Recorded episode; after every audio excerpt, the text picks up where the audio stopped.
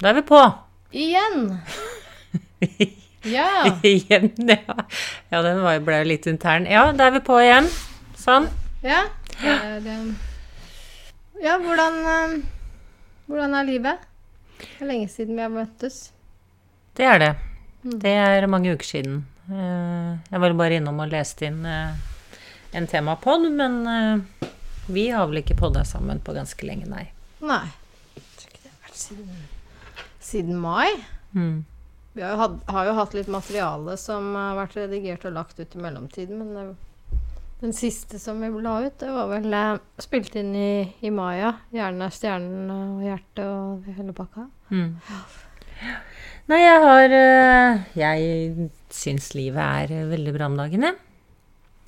Jeg har eh, Seriøst, jeg er veldig fornøyd med livet om dagen. Jeg har det akkurat sånn jeg vil ha det. Stortrives hjemme, pusler med mitt, jeg jobber akkurat passe.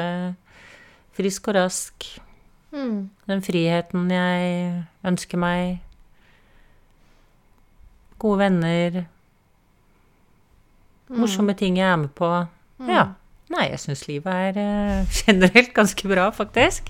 Og ny bil. Mye mestringsfølelse om dagen. Jeg lærer stadig nye ting. Det er jo bare å Det dukker opp mye nytt som jeg må forholde meg til, og så giver jeg på det. Og så får jeg det til, og så blir jeg veldig fornøyd.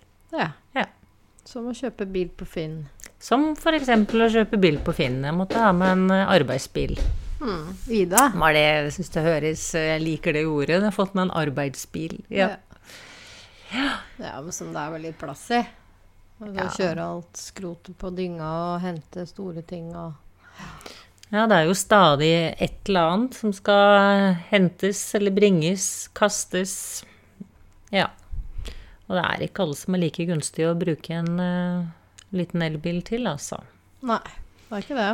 Og så ville jeg faktisk ha muligheten til både strøm og eh, fossil brensel, faktisk. Mm. Ja. I forhold til eh, Ja. Vi lever jo litt usikre tider på mange ting. Jeg tenker jo at vi er på vei inn i en ny verden, og da må vi være litt forberedt på, på alt. Noe annet ville vært for dumt med all informasjonen som eh, jeg har. Absolutt. Mm. Så det er moro også. Nå har jeg en bil som heter Hansine, og en som heter Ida. Hansine. Ja. Og Ida. Ja. Det er jo mitt mellomnavn. Ja da. Sånn, jeg skulle jo kjøpe Hva skal jeg Så vel egentlig for meg en litt sånn sliten eh, Ja, litt sånn rusten, du vet, bare sånn du kan kaste ting inn i. Av bil, altså. Arbeidsbil. Eh, så satte jeg meg en sum som jeg skulle gi for den bilen. Eh, og jeg har tenkt på det en stund. Og så en morgen så setter jeg meg ned og bare Nei, nå skal jeg gå inn på Finn. Så tenkte jeg, hva skal jeg se etter? Eneste jeg visste jeg skulle se etter, det var eh, Toyota. For det, det har jeg hørt hele mitt liv, at det er en, en, et bra merke. En motor som går eh, er sånn evighetsmaskin. Og lite trøbbel med. Ja. Så det var egentlig Toyota, og så hadde jeg fått opp en sum 60 000. Så da tenkte jeg ja, da gjør jeg det enkelt for meg selv. Da går jeg inn på Finn, og så istedenfor å sitte og se på alle mulige biler, så ser jeg hvem som koster 60 000. Mm. Og da kom det en til 59 900.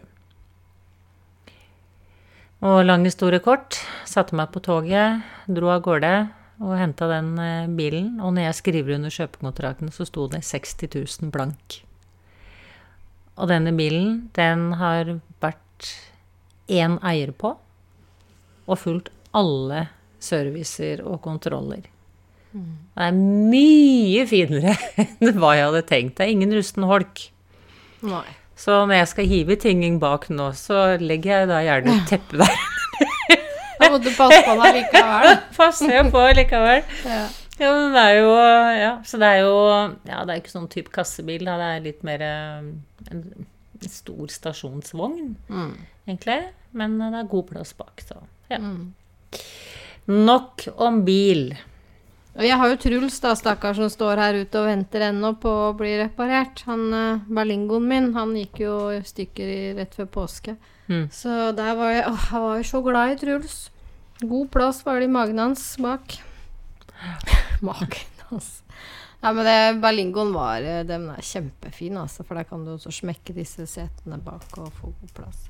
Mm. Så jeg håper jeg får uh, ordna Truls igjen, for nå har jeg bare den lille bilen til min mor. Hvor hele, hele bilen er et hundebur, liksom. Så ja. Dharma har eh, spist litt på sikkerhetsbeltet, men det ble gjort når hun var eh, liten, da. Hun gjør ikke det lenger nå. Mm. Så ja. Hva er det Berlingoen eller Truls trenger? Hva, hvorfor Jeg ble faktisk litt overraska når jeg så at den faktisk sto her ennå. Mm. Nei, jeg, tog, jeg har tatt av skiltene, så ikke vi har betalt noe veiavgift eller um, forsikring. Eh, og eh, toppakningen har gått. Og det er jo ganske dyrt å gjøre på verksted. Men da har jeg min eh, gode venn eh, Knut Inge, som er mekaniker. Han har jo hjulpet deg en gang òg. Mm. Så Men han holder jo til Sverige akkurat nå, da. Så nå er det prosjekt Finne, finne bilhenger. Så han kan få nå bort til Charlottenberg. For da skal han skifte det og toppakning og eh, registerreima. Så da kan det lønne seg å reparere Truls. Men uh, å sette Truls på verksted nå, det er bare å kaste bort penger. Da kan jeg heller kjøpe en ny bruktbil. da. Mm. Jeg var så glad for Truls. Jeg kjøpte han i desember. Og så Dagen før påske. Poff. Da ville den ikke starte. Da hadde jeg akkurat skifta starter, husker jeg. Så jeg trodde det var noe feil med, med det. Men så Nei. Men, men. Så livet skjer ja, hele tida. mennesker og biler. Ja. ja. Så ja. Hva har du gjort ellers i sommer? Vi har jo ikke prata så mye. Um, ja, jeg har jo jeg har fått med meg lite grann, da, sånn innledningsvis nå. Nå har vi jo ikke prata så lenge før vi satte oss ned. Nei. Um, ja. Ja, nei eh, Jeg har vært um, en uke på Kreta på jobb med en uh, som assistent, med en som har MS. Uh, så det kommer jeg til å gjøre mer. Det er jo en jeg ble kjent med sammen med en annen jeg jobber for, uh, på Marisol. Så jeg er kjent tilbake i flere år. Og så har jeg vært hyttevakt på Reinheim to uker. Det var kjempefint. Jeg var på Dovrefjell. Så da får du jo reise og alt. ikke sant? Reise og godtgjørelse. Og så ja, har du jo kost og losji der oppe. Og så får man da Første året man har hyttevakt, får man 100 kroner dagen. Andre året får man 105, nei, 125 kroner dagen. Og tredje året får man 150 kroner dagen. Se det, du! Ja. Så Lønnsforfremmelse, altså. Mm. Men eh, kan absolutt anbefales til folk som er glad i å være i fjellet og være hyttevakt. Altså, det er jo en sponsa ferie. Eh, du har jo tid på dagen hvor det er Altså, du, det kommer nye mennesker eh, til hytta stort sett hver dag. Noen blir over et par dager. Dette ligger jo i bånn av Snøhetta, så det er jo et populært eh, mål å komme til. Å ta Snøhetta eh, opp og ned, eller gå videre mm, til den andre hytta. Nå står det helt stille for meg hva den andre hytta het. da. Men jeg syns det var så koselig eh, å være hyttevakt.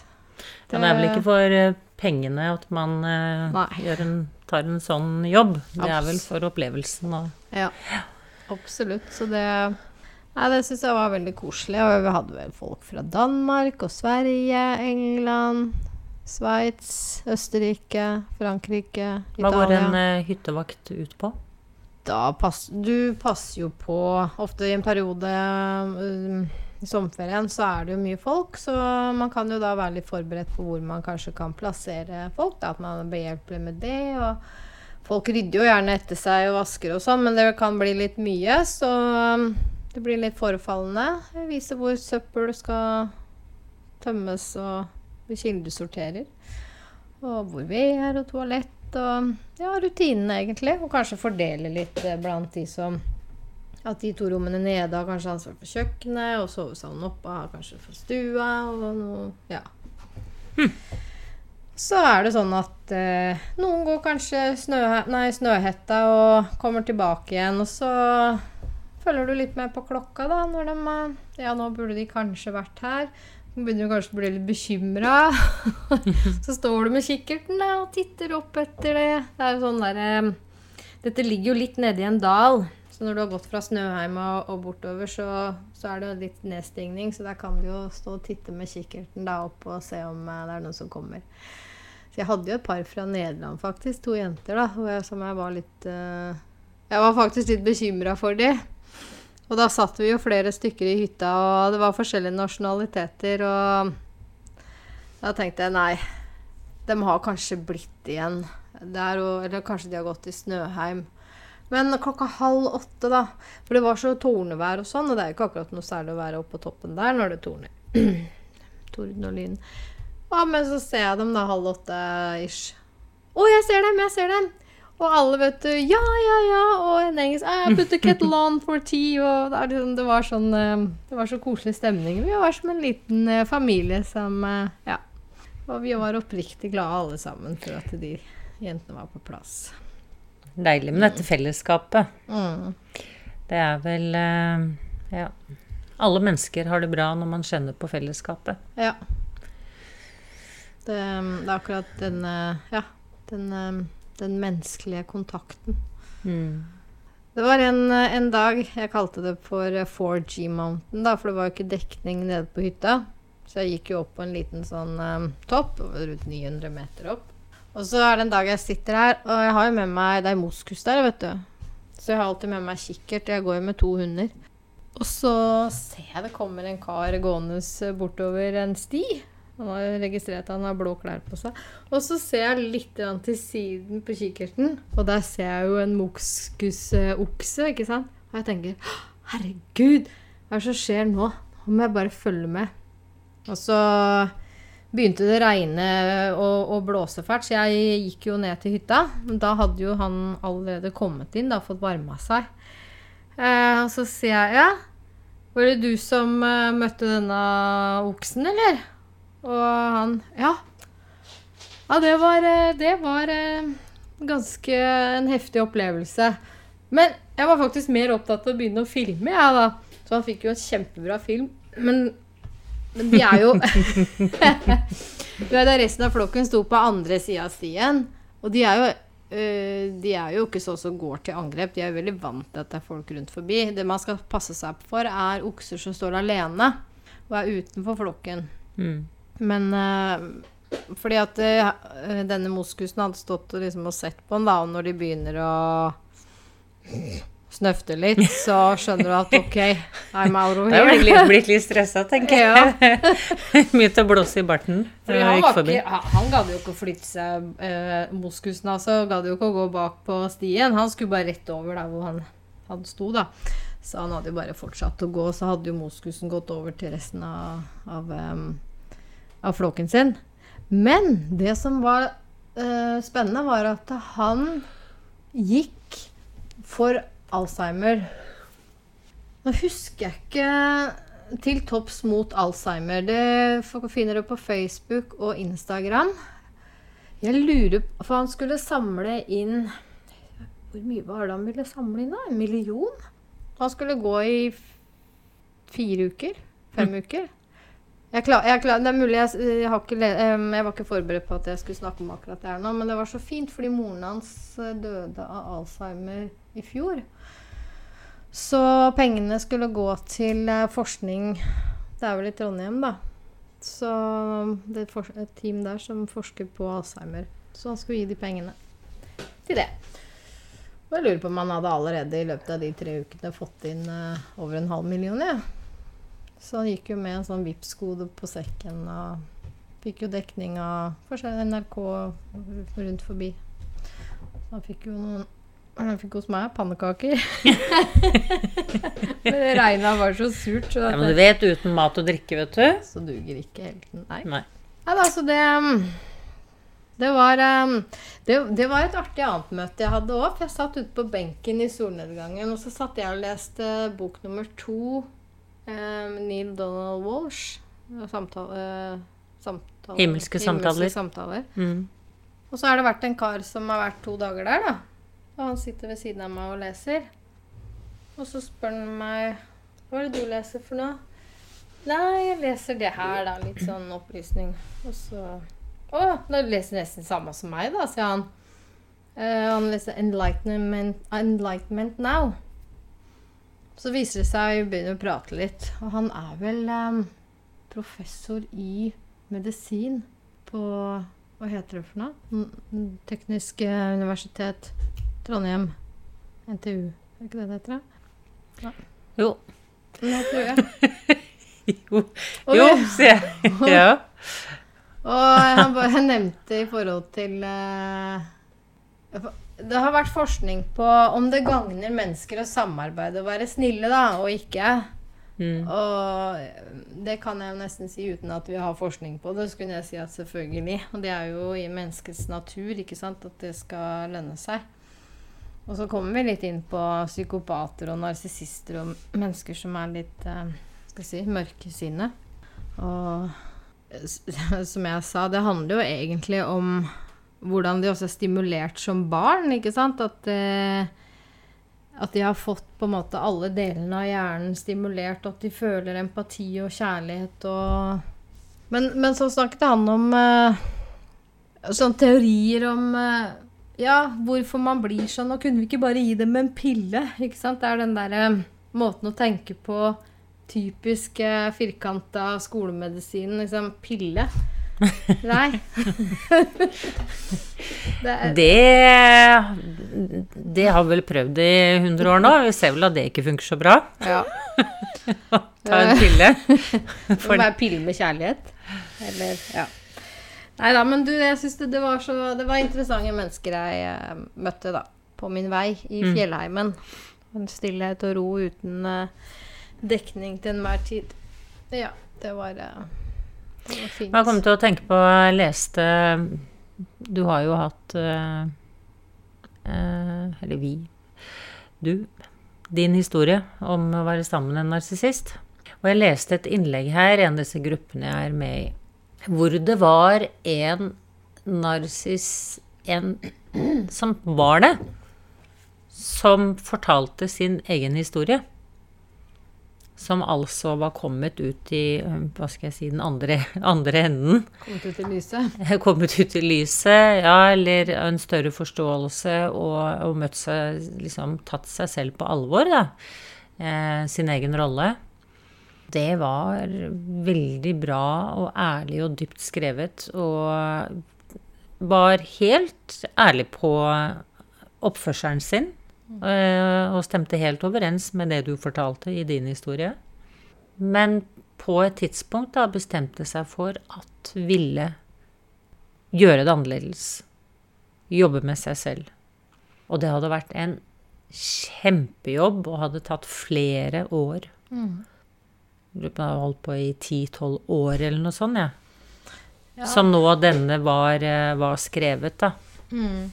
Ehm, men bakgrunnen var også For den hadde jo selv vokst opp med en eh, narsissistisk far. Men hadde også fått informasjon om at, hvor dette kom ifra, fordi at det er såpass ekstremt eh, annerledes enn normalen, for å sette et bilde på det. Det er derfor det kalles for personlighetsforstyrrelse. Ja, og det er fordi at eh, det menes at eh, narsissist har med seg utallige traumer fra tidligere liv.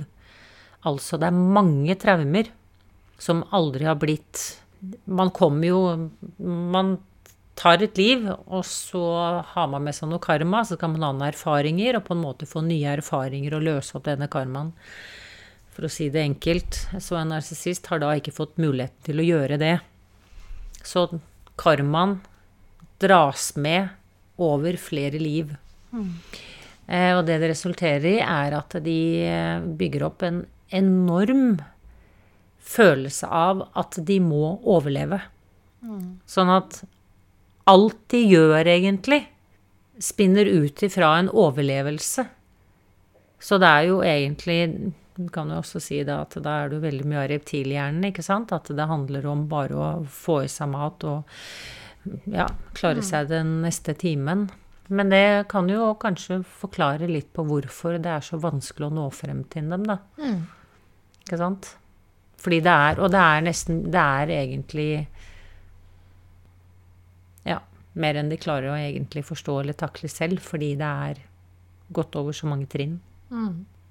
Jeg syns det var en uh, veldig interessant uh, jeg, vet, jeg, har jo lest en bok uh, som ja, 'Narsissister og flygende aper og andre medhjelpere' av Anita Sweeney. og der også står det om en, det en psykolog som jobber som psykolog, som er en tidligere narsissist også. Som, mm. Sånn at Det har vi jo sagt før òg, at Altså, alle kan endre seg, men førstepri er jo at man faktisk forstår at man har et problem. Mm.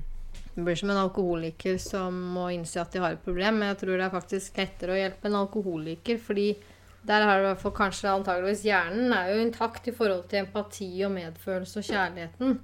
Der er det jo en avhengighet. Med, med en narsissist eller en psykopat så er det jo eh, Vil jeg si, da, det er deler av hjernen som ikke er så aktive. Altså de frontallappene som ja, empatisenter og evnen til å, å elske. Og føle anger og sånn. Så, og det vet vi jo kan trenes opp.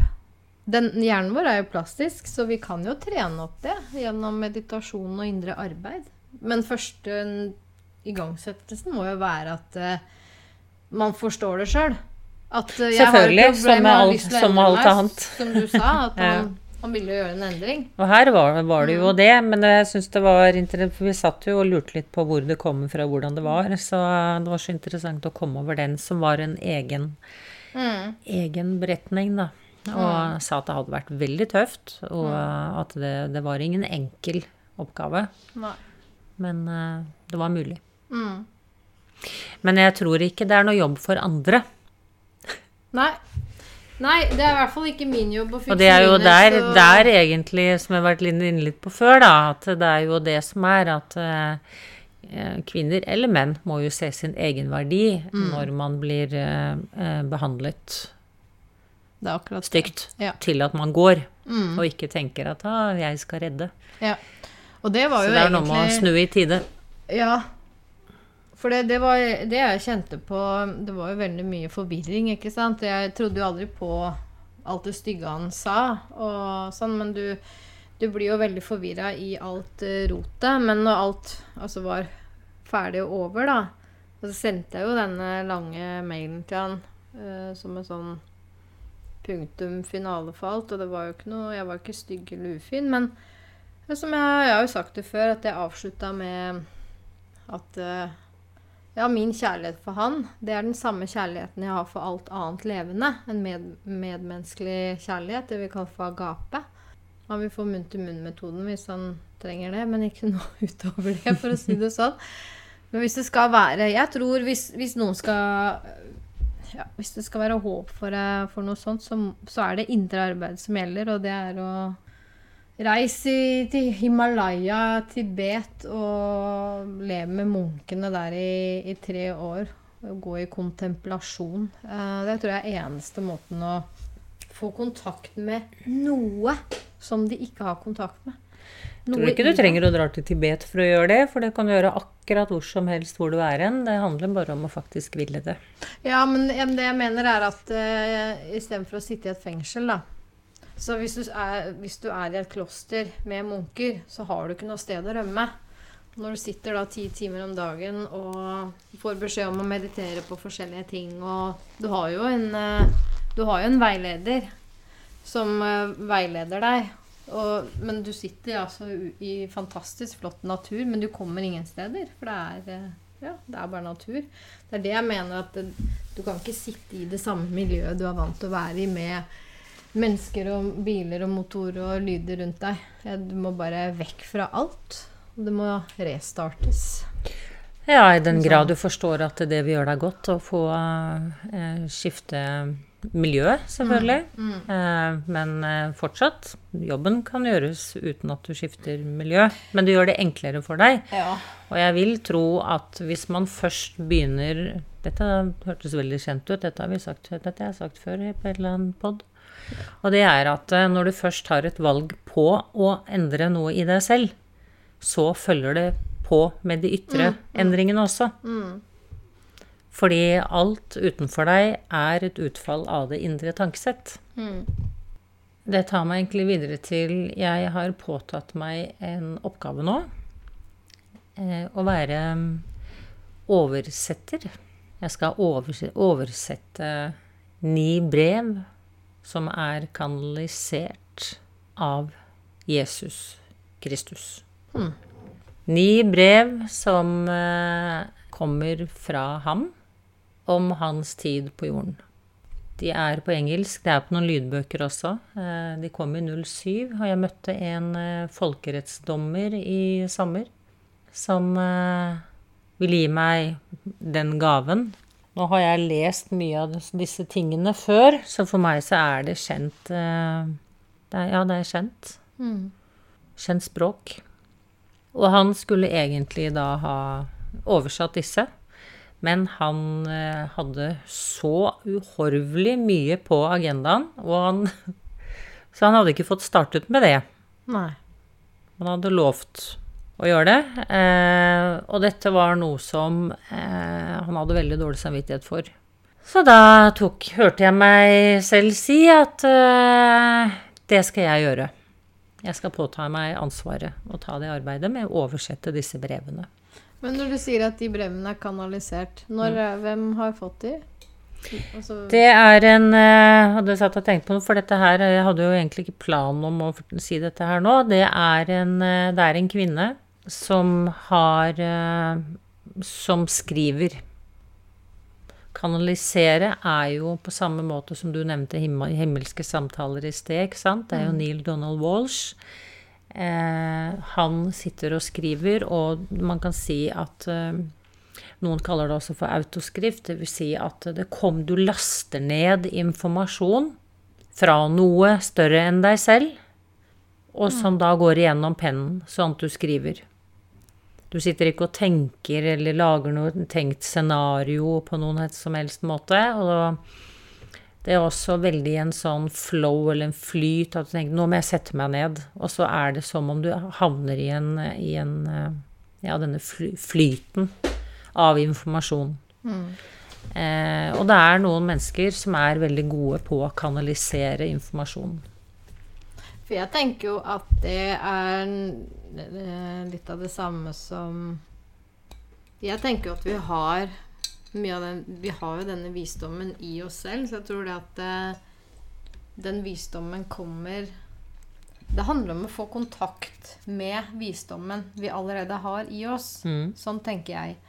At liksom om det er kanalisert eh, eh, Jesus eller noen andre, så er det egentlig noe som Det er noe som bor i oss i alle. Men vi må på en måte Det er jo gjennom indre arbeid vi kommer inn der. Meditasjonen og stillheten. Og at vi får kontakt med Ja, med den skattkista. Jeg tenker det når jeg er ute og går i naturen, og jeg Det er jo noen, eh, noen av disse rundene som jeg har, som er litt sånn dypt inn i skogen. eh, Og det er jo for meg som å nesten tre inn i eh, visdommens leksikon. Jeg kan ha, gå og gruble på noe, eller stå i noe valg, eller har noen spørsmål, og tro meg, i løpet av den turen så har jeg fått de svarene. Og det tenker jeg at er jo Gud, visdommen, skapelsen, universet i meg som gir meg det, altså Ja. mitt høyere selv. Man kan kalle det hva man vil. Det er jo mange Kjært barn og mange navn. Men det Ja. Så det er jo den intelligente, høyere intelligens, som jeg da er i kontakt med. Og alt det har vi i oss. Ja, så da så det, Og så er det noen som kanaliserer da de som er eh, i en parallell verden, eh, deres historie. Mm. Og Kristus var jo på jorden her, akkurat som deg og meg. Eh, som menneske. Han bare en opplyst Eh, ja, men han hadde en lære fram til den tid. Han var egentlig ganske rebell, han. Eh, og motsatte seg mange ting, og var i en del eh, trøbbel, faktisk. Eh, inntil han eh, selvpålagt tok en sånn en faste, og eh, egentlig ville bare bort fra alt eh, som ja, du vet, den følelsen mange har noen ganger. Åh, jeg har bare lyst til å dra, liksom. Eller reise, eller være fri. Og så tok han seks uker ut i ørkenen helt aleine. Uten å vite hvor han skulle, hva han skulle gjøre, og der skjedde det mye. Så det er klart at han hadde jo en, en oppgave, som vi alle har.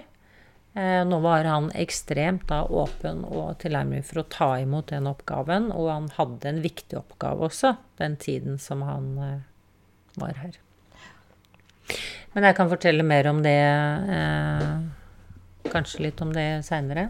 Mm. Men det som, hele, det som går igjen hele tiden, det er jo Og jeg kjenner meg jo nesten litt igjen når eh, han da sier at eh, Åh, når jeg virkelig forsto hvordan alt dette hang sammen Han fikk jo masse åpenbaringer ute i den ørkenen.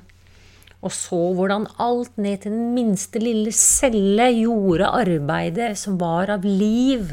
Og hvordan den ene cellen kommuniserte med alle de andre, og hvordan de sammen eh, samhandlet med noe som var større for å Ikke sant? Liksom hvordan absolutt alt henger sammen. Eh, både mennesket og solens kraft til eh, Ja, du vet. Til det minste krypdyr, til sanden, til vinden, til hva det måtte være. Og han liksom ordentlig forsto hvordan alt Og han kunne nesten ikke vente på å komme hjem og fortelle om alt det disse trodde på, om synd, og du kan ikke, og du må ikke, og du må gjøre sånn for å være verdig, som han syntes var bare tull og fjas. Og han gleda seg til å virkelig fortelle hvordan alt var satt sammen, og at alt var opp til hver enkelt til å styre og lage sin egen virkelighet. Og han gleda seg og løp nesten hjem, for dette skulle han dele. Gikk ikke helt som han planla. Nei, Det var ikke det, det gjorde jo ikke det. Det var mange som trodde han var Hadde tørna. Ja. Men det er jo det vi menneskene har gjort gjennom alle Ikke tider. sant? Så dette holder vi på med fortsatt, 2000 er- 2000 år etterpå. Ja. Så hvis det er ganske interessant, men kanskje, ja, ja, kanskje tiden har kommet nå. Vi er inne i oppvåkningens tid, så Ja, vil Ja. si at eh, det er mer rom og space for å mene noe som uh, det er, eh, det er nok lettere i dag enn det Ja. var for han da, ja. Selv om han fikk jo med seg noen, da. Men Ja. eh, det ble for Det var for massivt uh, Det var for massivt av en annen energi, faktisk, som var uh, Men så er det vi menneskene vi, Med en gang vi begynner å, å tulle med ting og tro og religion, ikke sant, så lager vi det til noe Ja. Noe som ikke er så bra likevel, da. ikke sant? Det blir makt og misbruk og Det var jo derfor Frans fra Sissi, han, eh, mm. han syns jo kirken etter hvert bare ble noe, noe herk, ikke sant? Mm. Om, eh, ja, han trakk seg vel mer og mer unna. Eh, Faktisk alle disse mesterne som har altså, fått sin plass i historien, det er ingen av de som er innenfor religion. Tvert imot. Eh, religion er menneskeskapt. Det har ingenting med skapelsen å gjøre. Jeg vil, jeg vil ikke bruke ordet Hva skal jeg si filosofi, jeg, da. Men eh, ja. tenker vi, eh, vi har det jo alle i oss. Det handler jo, alt handler jo om det. Ja, som jeg sier, det, yoga Vi gjør jo ikke yoga, vi, vi er yoga. Vi kommer i en tilstand hvor det er ikke tingene som endrer seg, men vi endrer oss og ser annerledes på ting. Og jeg tror noe av det viktigste Hva er det som gjør at vi er annerledes? Jeg tror vi, vi skaper et rom og en avstand mellom oss og det andre som er, slik at vi kan observere ting. Og da kanskje persepsere, altså oppfatte det mer rent, uten alle disse rare brillene og farvene vi ser igjennom. Og kanskje kan da agere istedenfor å reagere på gammel programmering. Vi blir kjent med oss selv, det autentiske oss, hvilke mønstre vi har. ikke sant? Det, er det å handle um, Handle ut fra sine egne verdier, og ikke andres verdier, og, og det vi lærer at vi skal tenke. Lære barna våre hvordan de skal tenke. Nei, hva de skal tenke, istedenfor hvordan de skal tenke. Ja, det er jo Vi har vel stått veldig mye i det nå. Eh, disse siste to årene også.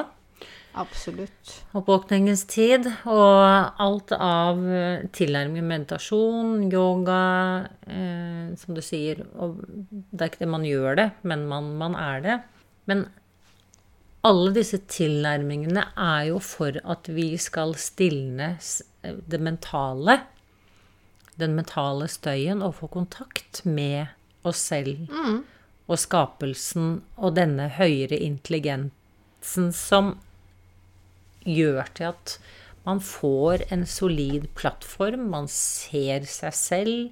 Man ser, det, man ser seg selv i de andre, som da skaper et fellesskap. Og man får en klarhet i hva man burde gjøre eller legge fra seg. Mm. Det er Så det er egentlig det. Så det er, alle er inn for å komme inn til den høyere intelligensen i seg selv. Det er visdommen, som vi kan si. Eller visdommen. Men også det å på en måte um... Ens egen stemme. Og det er jo meditasjonens uh, sanne hensikt. Det er jo å skape den, den avstanden, slik at vi får rom til å fordøye de tingene og se de tingene. Eh, det finnes ingenting som kan erstatte en, en meditasjon. Vi har jo yoga, asanas, pranayama, pusteøvelser, så har vi meditasjon. Og det er jo bare å, å sitte i den stillheten. Og Um, Jo, hva? ja. Bare tenk for Meditasjon trenger ikke nødvendigvis å være å sitte i stillhet, for du kan ha meditasjon i bevegelse. Du kan, du kan Ikke, eh, ikke en sånn type meditasjon som jeg snakker om nå. Eh, en, en ren meditasjon handler om å roe sinnet og komme inn i dette rommet som bare blir større og større. Du kan godt ta en eh, altså gående meditasjon og være til stede i nuet, men da er du fremdeles i en aktivitet, sånn at det blir ikke, det blir ikke den roen i sinnet som du får i en sittende, stille meditasjon. Her er jeg ganske, der er jeg ganske klar. Fordi hvis du gjør noe annet, så er du opptatt med å gjøre det. Selv om når vi går i naturen, da, så får vi jo en kontakt med noe annet. Men det kan ikke erstatte en sittende meditasjon i still, helt still, still, still. Jo, nei, jeg mener bestemt at du kan ha meditasjon i bevegelse, det vil si, fordi akkurat det som man er ute etter da, eller jeg er ute etter da, det er jo det å være i øyeblikket. For det er jo det som er. For når du er i øyeblikket, så er du i kontakt med det store. Det er livet og det som skjer akkurat nå. Mindfulness-meditasjon fungerer ikke sånn.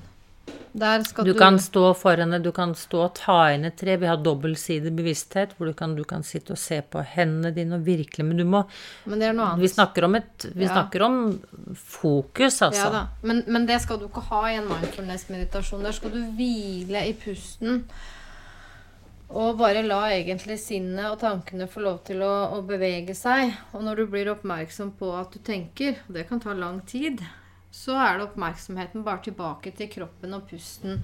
Og ja, siden du besøker et buddhistisk tempel, så går man gjerne gjennom tre porter før man kommer inn i det hellige rom. Og jeg pleier å si det sånn når du De ti første minuttene vi sitter, det er den tiden det tar bare å roe sinnet. Det er den første porten. Sitter du ti minutter til, går du gjennom porten, port nummer to.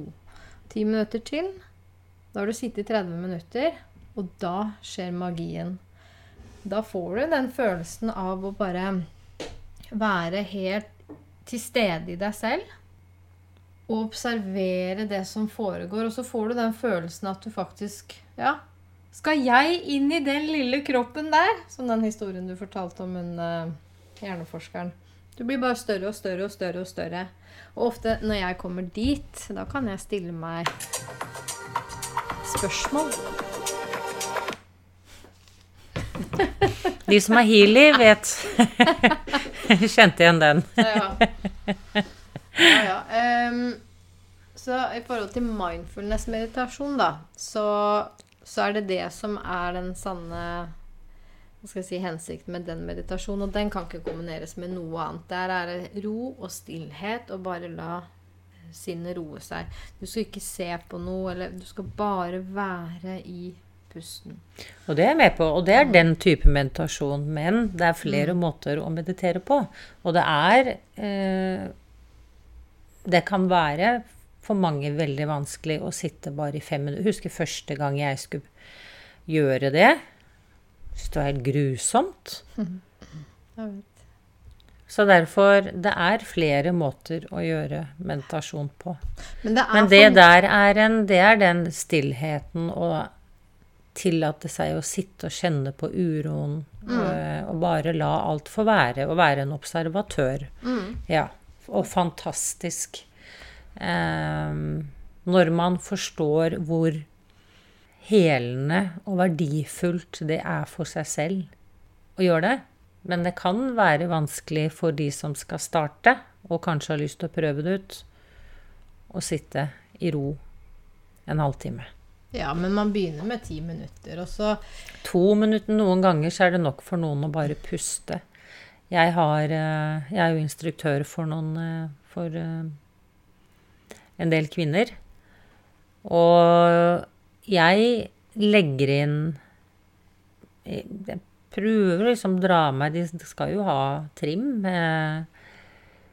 Men jeg legger inn pust, prater litt om det, og så har vi det på slutten. Og når alle da er nede, så er det ikke, det er ikke lenge før noen begynner å bli urolig. Jeg, så jeg må hele Jeg må liksom stå hva skal jeg si, føle rommet, sånn at vi rekker at de rekker liksom så få litt ut av det, touche innom det, og så må det ikke touches for mye, sånn at det ikke kommer tilbake, fordi at eh, det kan bli for tett, ikke sant? Det er noe med å finne den balansen på Ok, nå kjenner jeg at jeg slapper av, og da kan jo kanskje det følelsesmessige komme, eller uroen, ikke sant? Og da har man ikke lyst til å være der, og så spretter man opp isteden. Men så er det man jo litt lydig, da, så man ligger jo litt lenger og venter på de andre. Så det er noe med å stå og finne akkurat den rette balansen til at eh, ok, nå kan dere bevege på hender og føtter. Og så kan liksom Men du er i liggende trekke den litt. Men er Det liggende. Ja. Ja ja, dette er jo etter, etter trening. Ja. Eh, Jeg starter alltid mine 75 minutters yin-yoga med 5 minutter eh, meditasjon og 90 minutter i 90 minutters-timene med 10 minutter. Mm. Også på yogastudioet jeg hadde før, så hadde jeg jo også myk yoga meditasjon 1, 2, 3. Mm. Hvor én var 10 minutter, to var 20 minutter, og tre var 30 minutter.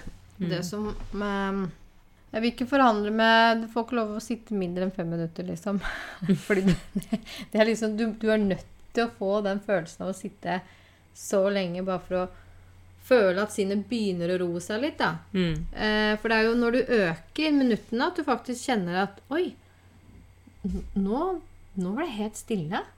Fordi du vil skape mer, lengre avstand mellom hver tanke som kommer. Det er jo det vi på en måte trener oss opp til. At det, du får sånne små, eh, små rom av bare ingenting, stillhet, eh, i deg selv. Og det skjer ikke før det har gått eh, over ti minutter. For det blir som å rote rundt i et farrisglass. ikke sant? Det er masse tanker og sånn. Og så ti minutter så har det roa seg. Og da er du egentlig klar for å gå videre inn i den dype med- meditasjonen. Og det folk kjenner på da, når de da sitter 20 minutter, det er Oi, så fort de neste ti minuttene gikk. Fordi du mister egentlig kontakten med ja, tid og rom. Det, er, det blir bare så trygt og fint inni der. Og går man, på en, eh, er man, går man på en yogatime, så er man litt forberedt på det. Eh, Det er jo ikke tilfellet her eh, hos meg, for det er jo, er jo trening. Eh, Så det er egentlig for å si det. Men jeg prater jo da om at det er så viktig dette med, med pusten og i forhold til når man trener. Man får mer igjen for det, ikke sant? Det er ja, komme i balanse da. Eh, Men jeg får veldig mye tilbake, gode tilbakemeldinger. Så ja, det er veldig fint å få puttet inn, inn litt, av, litt av det der. Ja, jeg har lyst til å skal lage en liten eh, sånn temapod om eh, vagusnerven. Jeg får fordypa meg litt inn i den materien der. Litt sånn med den der eh, lille historien du hadde om den snila du så på sist. Det samme gjør jeg egentlig med kroppen og hjernen og hjertet og alt. Eh, og så er liksom hvor perfekt alt sånne små dubbeditter og fantastisk vi er laga for å kunne erfare dette fysiske livet vi, vi har på jorda. Det er helt eh, Ja, jeg får som sagt, vi har sagt det før, jeg får et dopaminkick av å lese, lese nye ting. Så det skal jeg gjøre. Det er en ny måte å se på nervesystemet vårt på, og det sympatiske og parasympatiske. Jeg begynte lage Jeg begynte å skrive på min neste temapod. Speiling. Speiling. Det er eh, stort. Så ja. Narsissisme Jeg var innom det i stad. Jeg må, jeg må Jeg skriver når jeg er i flyt, og når jeg laster ned. For det, jeg kan ikke sitte og tenke for mye rundt det. For det, det, det er altså så mange scenarioer, og da det er mer å prøve at det ikke skal bli en bok, da. Det blir en liten temapod. Ja. Så han kommer når han kommer. Men jeg har lyst til å dele. Jeg eh, var for første gangen i Spania eh, siden lockdown. Og det er første gang jeg er tilbake på, det, på det stedet hvor alt det vonde har skjedd. Og jeg visste jo ikke helt hva som ville møte meg. Eh, det viktigste for meg der nede nå, det var jo å få anmelde eksen. Og så var det å få rydda ut av en garasje hvor mye av tingene mine, eller alle tingene mine har stått. Og jeg gjorde meg noen eh, Jeg har jo fått gjort alt sammen. Jeg var på um, tre timer på politistasjonen og var en, um, hadde med meg en venn som snakker flytende spansk. Han er britisk, så det var veldig lett å kommunisere. Jeg hadde aldri klart meg uten, for å si det sånn. Jeg hadde ikke kommet inn døra engang eh, uten han. Så det var en hyggelig politikvinne som, eh, som tok anmeldelsen. Så nå er det i hvert fall gjort, for for meg så var det veldig viktig å få på en måte lukka den sirkelen, da. The circle is uh, closed, hvis jeg kan si det sånn. Og på dette, denne garasjen hvor alle tingene mine lå, så var det jo vært mus og sånn, så der var jo mye rart som uh, Ja, litt måtte kastes, og litt måtte vaskes. Så har jeg fått uh, leid et nytt lager og fått uh, satt inn en del ting der. Jeg gjorde meg noen erfaringer. Eh, for jeg visste som sagt ikke hva som ville vente meg. eh, hvem er mine venner, og hvordan vil jeg reagere når jeg kommer ned der. Men det jeg kjente på, det var at jeg var helt nøytral. Når jeg gikk forbi gamle leiligheten, så følte jeg ingenting. Nei, for det jeg følte Jeg husker jeg satt på stranda en dag, og, eller hundestranda, da, og Dharma bada, og så fikk jeg bare en sånn følelse av at det, hele det emosjonelle eh, følelsesregisteret mitt har, har jo vært helt kollapsa. Jeg har vært helt nede. Og nå fikk jeg ett og et halvt år på meg vekk fra dette stedet. Og det trengte jeg tydeligvis. For nå føler jeg liksom Nå kan jeg være helt nøytral, og nå kan jeg begynne å føle igjen basert på noe som er helt rent og nytt. Altså, jeg er helet i forhold til det som har skjedd. Jeg kunne gå forbi yogastudio. Ingen vonde følelser. Ingenting, egentlig. Alt var helt stille vann. Mm. Så det syns jeg var en uh, veldig god opplevelse. Og så har jeg funnet ut hvor jeg ikke skal gå igjen, f.eks. Hvem som da kanskje ikke er på min side, eller støtter og løfter meg opp. Så du kjenner jo det at uh, Ja. Hadde du noen eh, forventninger før du dro dit? da? Hadde ingen forventninger i det hele tatt. Det er bra. Mm. Jeg visste ikke hva jeg ville komme til. Mm. Det jeg kjente på, var at det var veldig godt å ikke være i den gamle leiligheten. Mm. Kunne, eh, det ville jeg ikke gjort. Der er det, er det for mye vondt som har skjedd. Mm. Så det var så fint å ha den eh, leiligheten i gamlebyen. Mm. Som da han som var med meg og kona eier. De har to leiligheter i gamlebyen som de leier ut. Og jeg, jeg så Via Hoyosa på en ny måte. Og det var takterrasse der også. Og det var som å komme opp i en ny verden. Du vet disse Disney-filmene med aristokratene, disse Mm. kattene, Mm. hvor liksom lever oppå taket. Det er en hel verden for seg selv. Og plutselig, du, du kunne sitte oppå takterrassen, og så hørte du faktisk bølgene fra, fra sjø, eh, havet. Så det syns jeg var så Ja, det var så godt. Og jeg fikk følelsen Via Hoyosa er fremdeles min by. Så hit skal jeg tilbake. Så det var eh, mission accomplished. Det var veldig godt. Jeg tenker på det uttrykket 'forandring fryder'. Det er jo eh, Det er viktig, det. Å eh, Hva skal jeg si Gå ut av det vante. For da ser man ting på en ny måte. Mm. Hvis du plutselig går en annen vei, eller ok, kanskje man, da er, det, er det smart kanskje å flytte litt rundt på seg. Reise til nye steder. Gjøre ting annerledes. Komme seg ut av rutinene, ut av komfortsonen. Det er veldig viktig. Eh, Buddha sa jo at eh, det er jo der livet skjer. Utenfor komfortsonen. Jeg kan bare si at jeg er nesten aldri innafor komfortsonen. og, og det er ikke alltid frivillig, eller det er veldig sjelden frivillig. Så For å si det sånn. Men, men. Still hanging in there. Ja, du har vært i Spania. Jeg eh, endte opp eh, en tur til Nord-Norge. Ja. Det var, eh, det var veldig artig. Vi, men vi tok buss, da, til Nordreisa. 200 mil. Nå er jeg Ja, det er for så vidt koselig å kjøre buss, men ikke 200 mil. Nei. Men denne gangen her så ble jeg med på det fordi at det var Jeg kjente én som skulle være med, og det var hun som inviterte meg. Eh, Vi endte opp med å være 13 kvinner og én bussjåfør. Så jeg tenkte det er jo en fantastisk mulighet til å bli kjent når vi skal sitte på bussen eh, så lenge. Samtidig med at eh, jeg var jo også inne i veldig mye å gjøre. Ikke sant? Med hagearbeid og hus. Og eh, jeg hadde vel kommet inn i en litt sånn Ja. Flyt. Eh, det var vanskelig å sette på bremsen. Så da passa det veldig fint at det ble en par-tre dager på, på buss. Hvor du kan ja, lese litt og høre på litt musikk og litt pod og bli kjent. Og så ble det. Det gikk egentlig veldig greit. Og så kom vi oss opp Nordreisa. Og dette var den uka som det var Jeg som er så glad i varme. Da det var tropetemperatur her hjemme. Det var noen og 30 grader eller noe sånt. Det var kjempekaldt oppi der. Da hadde vi syv grader og regnvær. Så jeg vet ikke. Nordlyset, det fikk jeg heller ikke med meg. Eh, men det var jo fantastisk natur. Eh, vi var jo rett ved et vann. Og da er det jo egentlig bare å snu om, da. Det er jo å ha denne aksepten. Ikke tenke på bading og soling hjemme.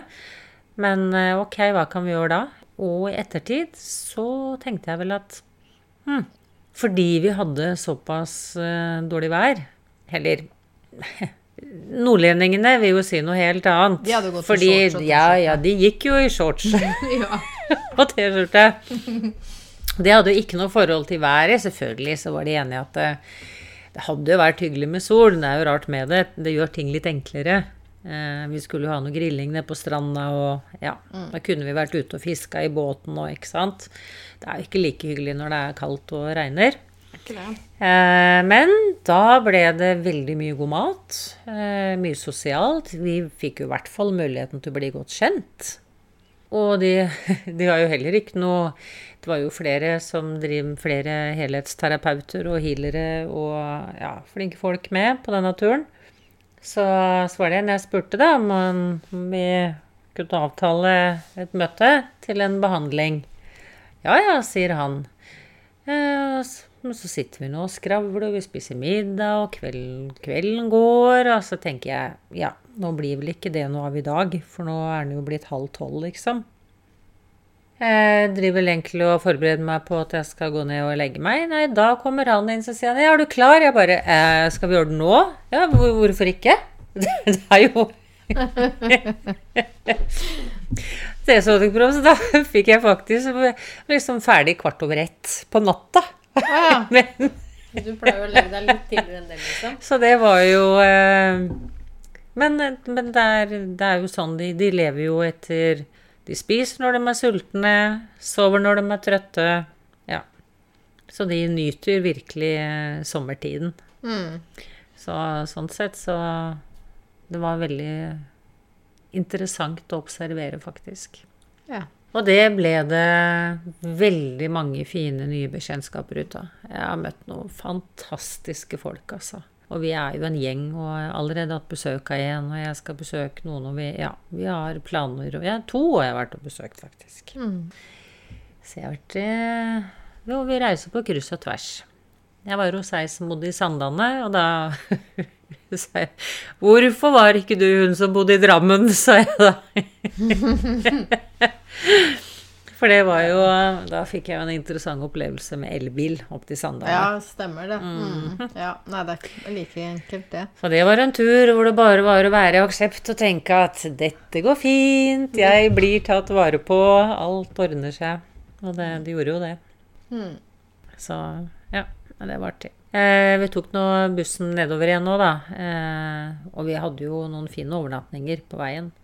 Men vi var vel enige om at eh, hvis det ble tur til nord neste år, så ble det fly. Ja. Ja. Ja. Da har vi gjort det én gang. ja. Been there, done that. Ja. Ja.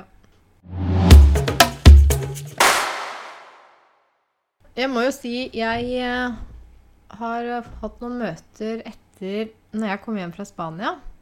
Det var jo torsdag, ikke forrige torsdag, men forrige der igjen, så halvannen uke siden. Da Da hadde jeg yoga fredag og søndag.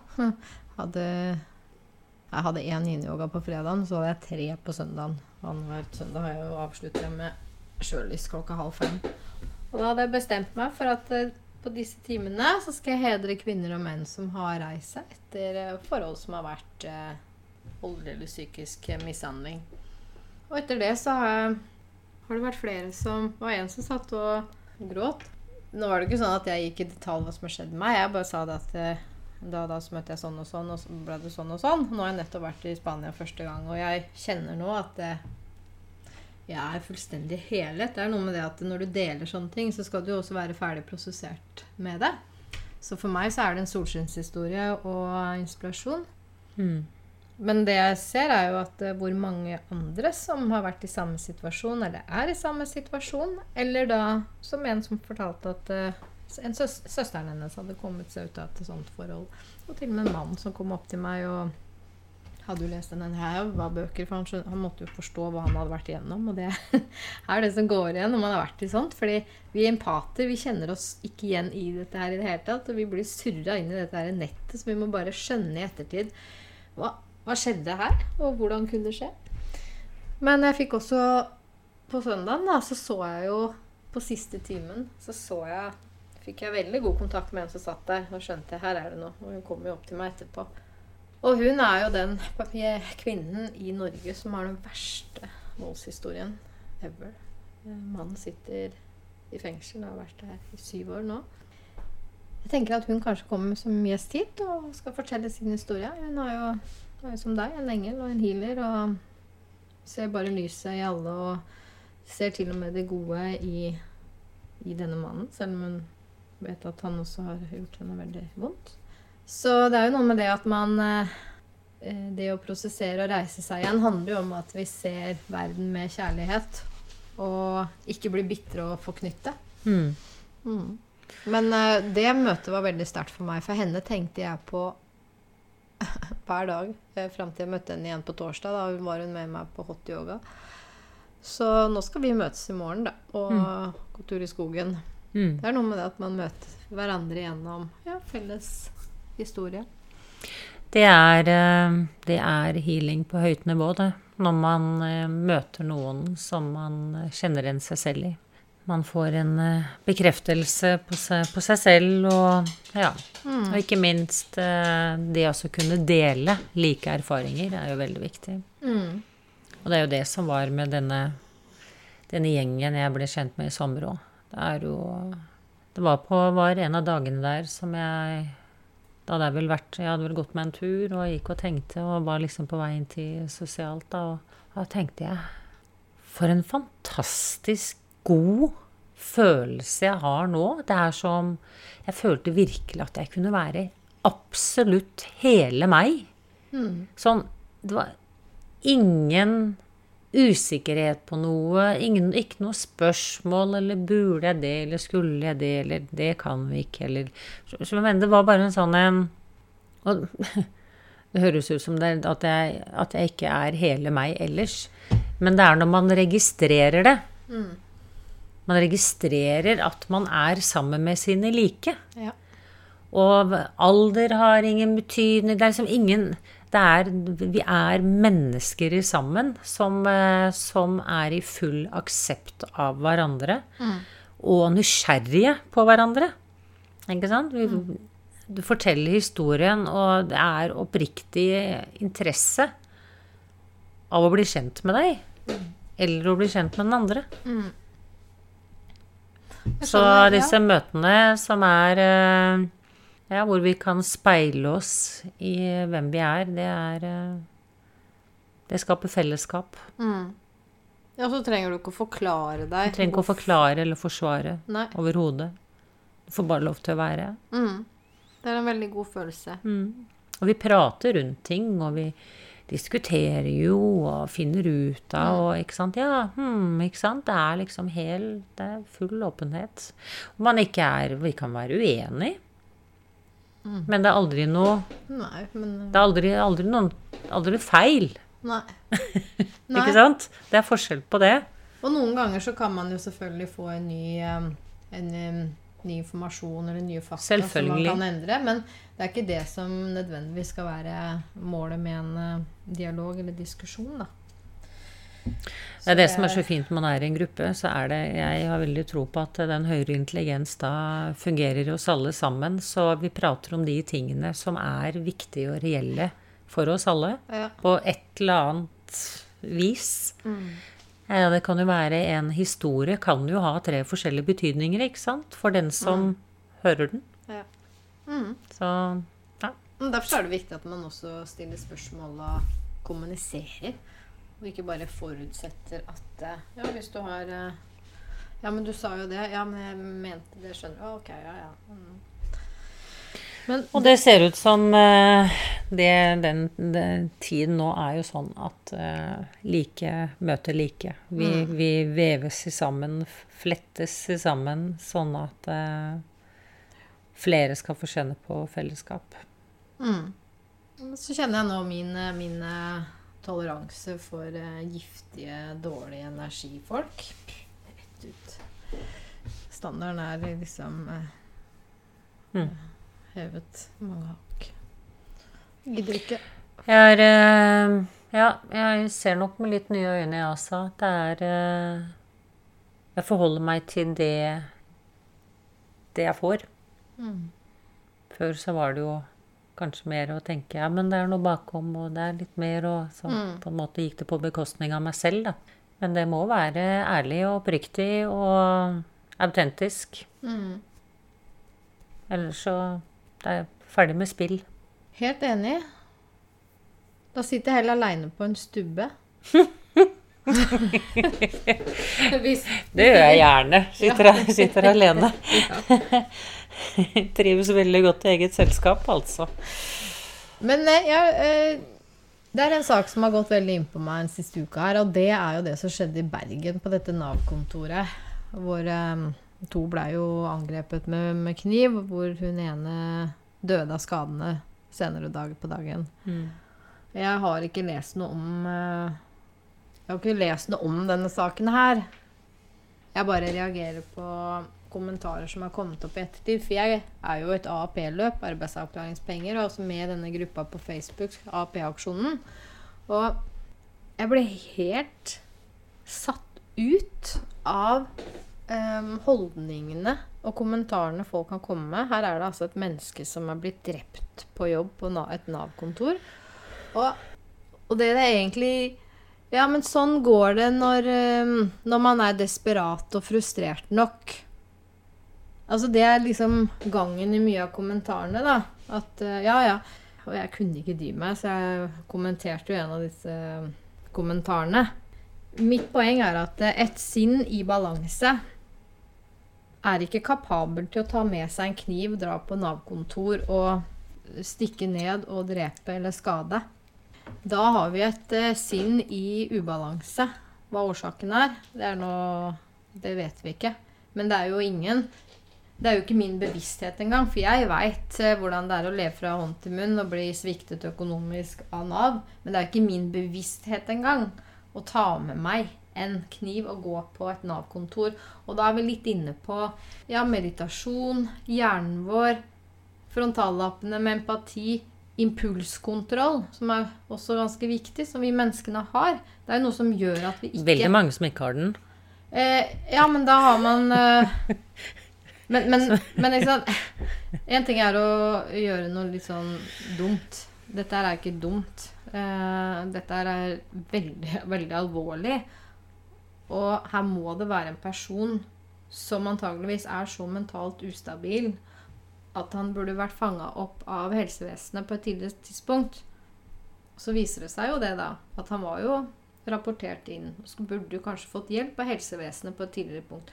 Og det er det jeg mener at det, for argumentene til disse menneskene som mener at det, ja, sånn går det når man blir frustrert og desperat nok. Fordi vi på AAP vi blir liksom uh, trøkka inn i et hjørne og mister alt vi har. Ja, det er mye urettferdig som er skjedd, og den blå regjeringen har ødelagt ganske mye. Men um, vi er ikke rovdyr, sånn som mange prøvde å påstå. Vi er ikke rovdyr. Ja, vi har en reptilhjerne, vi har amygdala, vi ser Hjernen vår er avviksorientert. Men det ligger ikke i oss å bare gå og slå i hjel.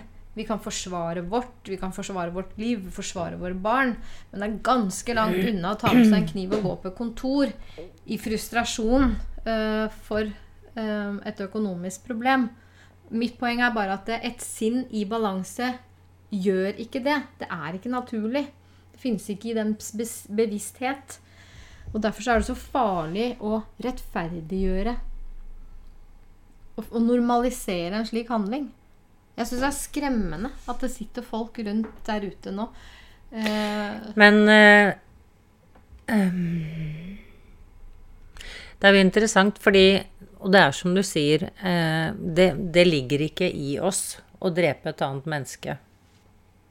Menneskelig sett, nei.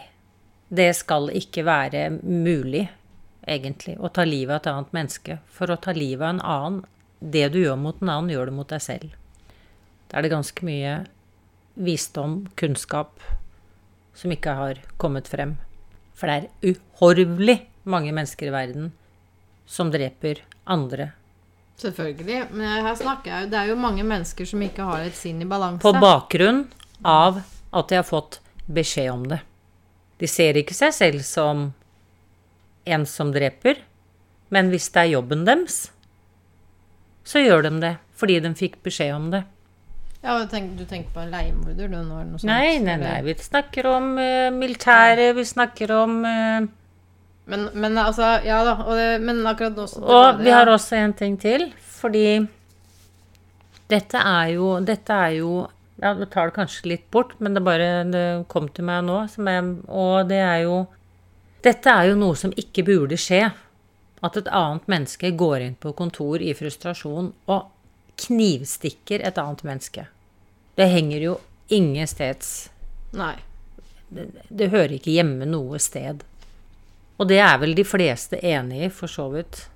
Men allikevel Det er det som er problemet. Jeg vil tro at vi Ja, men hvis du Ok, ja. en ting er de kommentarene. Jeg er enig i det. Og det er mange som ikke bryr seg, fordi de, de det er, og det er nok fordi at de som går på Nav, de som er, er de svake da, de, de får liksom ikke noe Um, jeg blir jo flau. Det er så mye meninger. hvis, eh. hvis, det er dette av folk som sitter og eh, Altså arbeidsavklaringspenger Jeg føler det sitter jo en gjeng med neandertalere.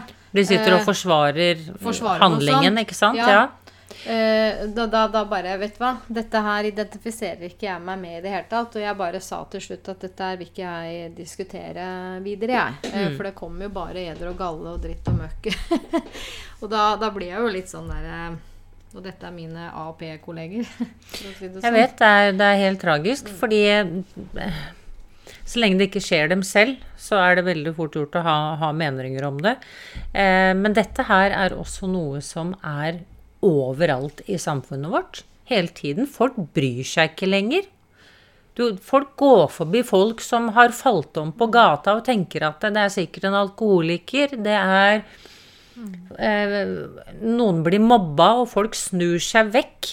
Folk sitter og ser på eh, psykotrillere på, på, TV hver eneste dag mm. om de mest bestialiaske drap, og mm. hvordan kan du mest mulig lemleste et annet menneske? Mm. Vi har krigsspill som ungdommen sitter og spiller. Det er snutter på telefon, på PC-en, på Det er eh, sexmisbruk, det er Dette sitter jo folk som fòrer sinnet sitt med hver eneste dag. Og vi har dette kollektivet. Og derfor så havner vi i situasjoner som det, at folk faktisk sitter, sitter nesten og forsvarer det. Men de Fordi det er en, sy en sinnssykdom der ute, hvor man ikke ser det med de menneskelige Mm. brillene. Ja.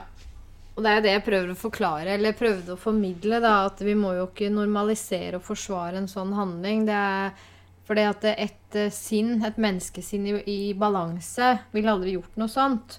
Den, det er ikke min tankegang å, å gå og stikke ned eh, noen fordi jeg er desperat og, og frustrert. Så dette her er jo et menneske som burde hatt hjelp. Jeg er jo ikke for å, å bur det mennesket inne og la det råtne. Sånn er jo ikke jeg heller. Jeg tenker jo da at dette mennesket trenger jo hjelp.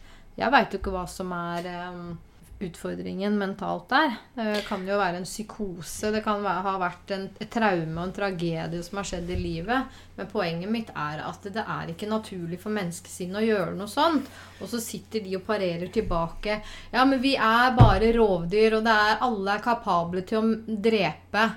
Eh, nei, ikke på den måten der. I forsvar, ja. Å forsvare sine barn eller et eller annet. Men ikke, ikke sånn som, som det der. Det var det som var mitt poeng. Jeg syns det var helt forferdelig. Jeg tenker jo på denne kvinnen Ja. som da fikk avslutta sine år på et Nav-kontor i Bergen. Var hun noen og 50 år?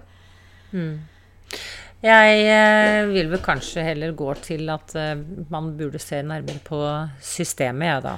Helt klart. For det er jo systemet som feiler totalt her, og hele dette systemet lager jo håpløshet og hjelpeløshet og frustrasjon og frykt for å ikke klare seg og alenefølelse og så det på en måte Du har jo hele den vidunderlige lavfrekvenscocktailen som kommer ut av disse systemene.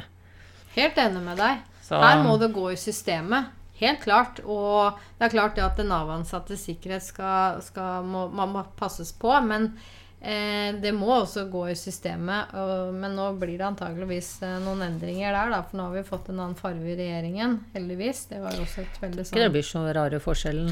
Jo da, for min del f.eks. Jeg er jo livredd for karensåret. Og det blir jo antageligvis borte nå, sånn at jeg slipper et karensår.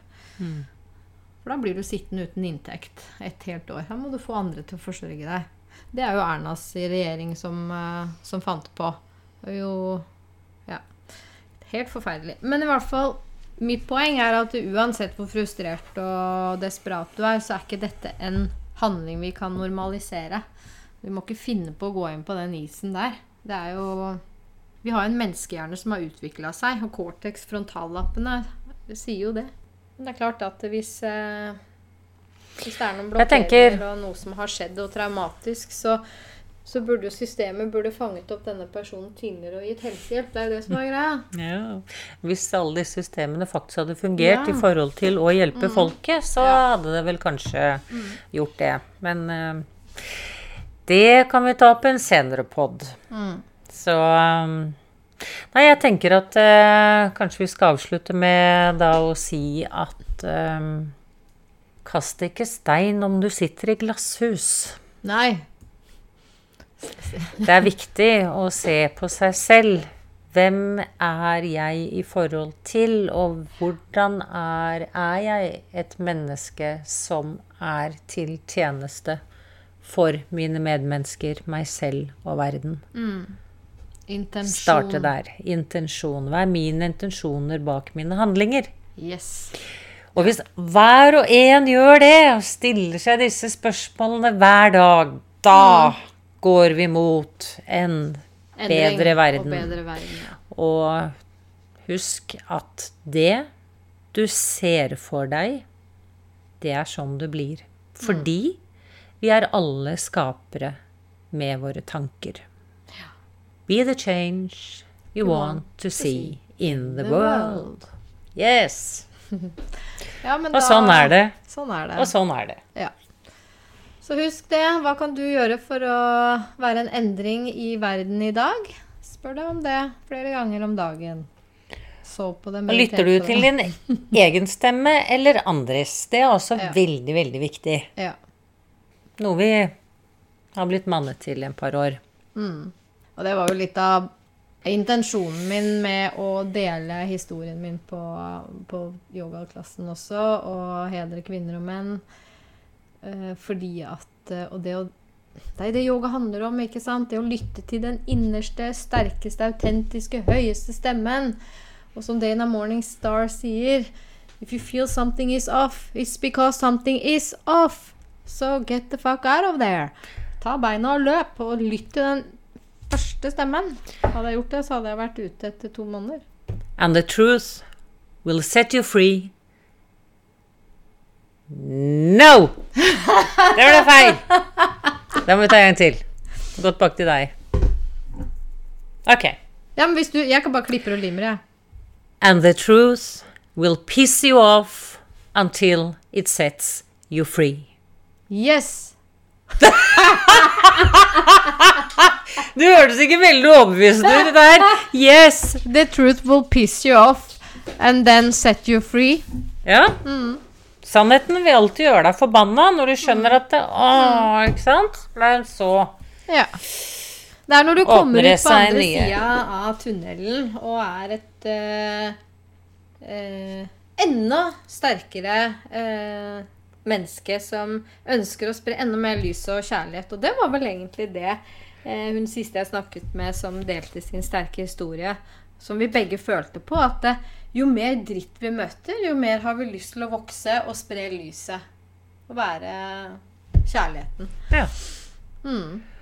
Så det. Og Akseptere alle sin vei. Ok. Med det så sier vi Takk for i dag. adios. Takk for i dag. Hasta pronto. Hasta ahora. Ciao. Adios.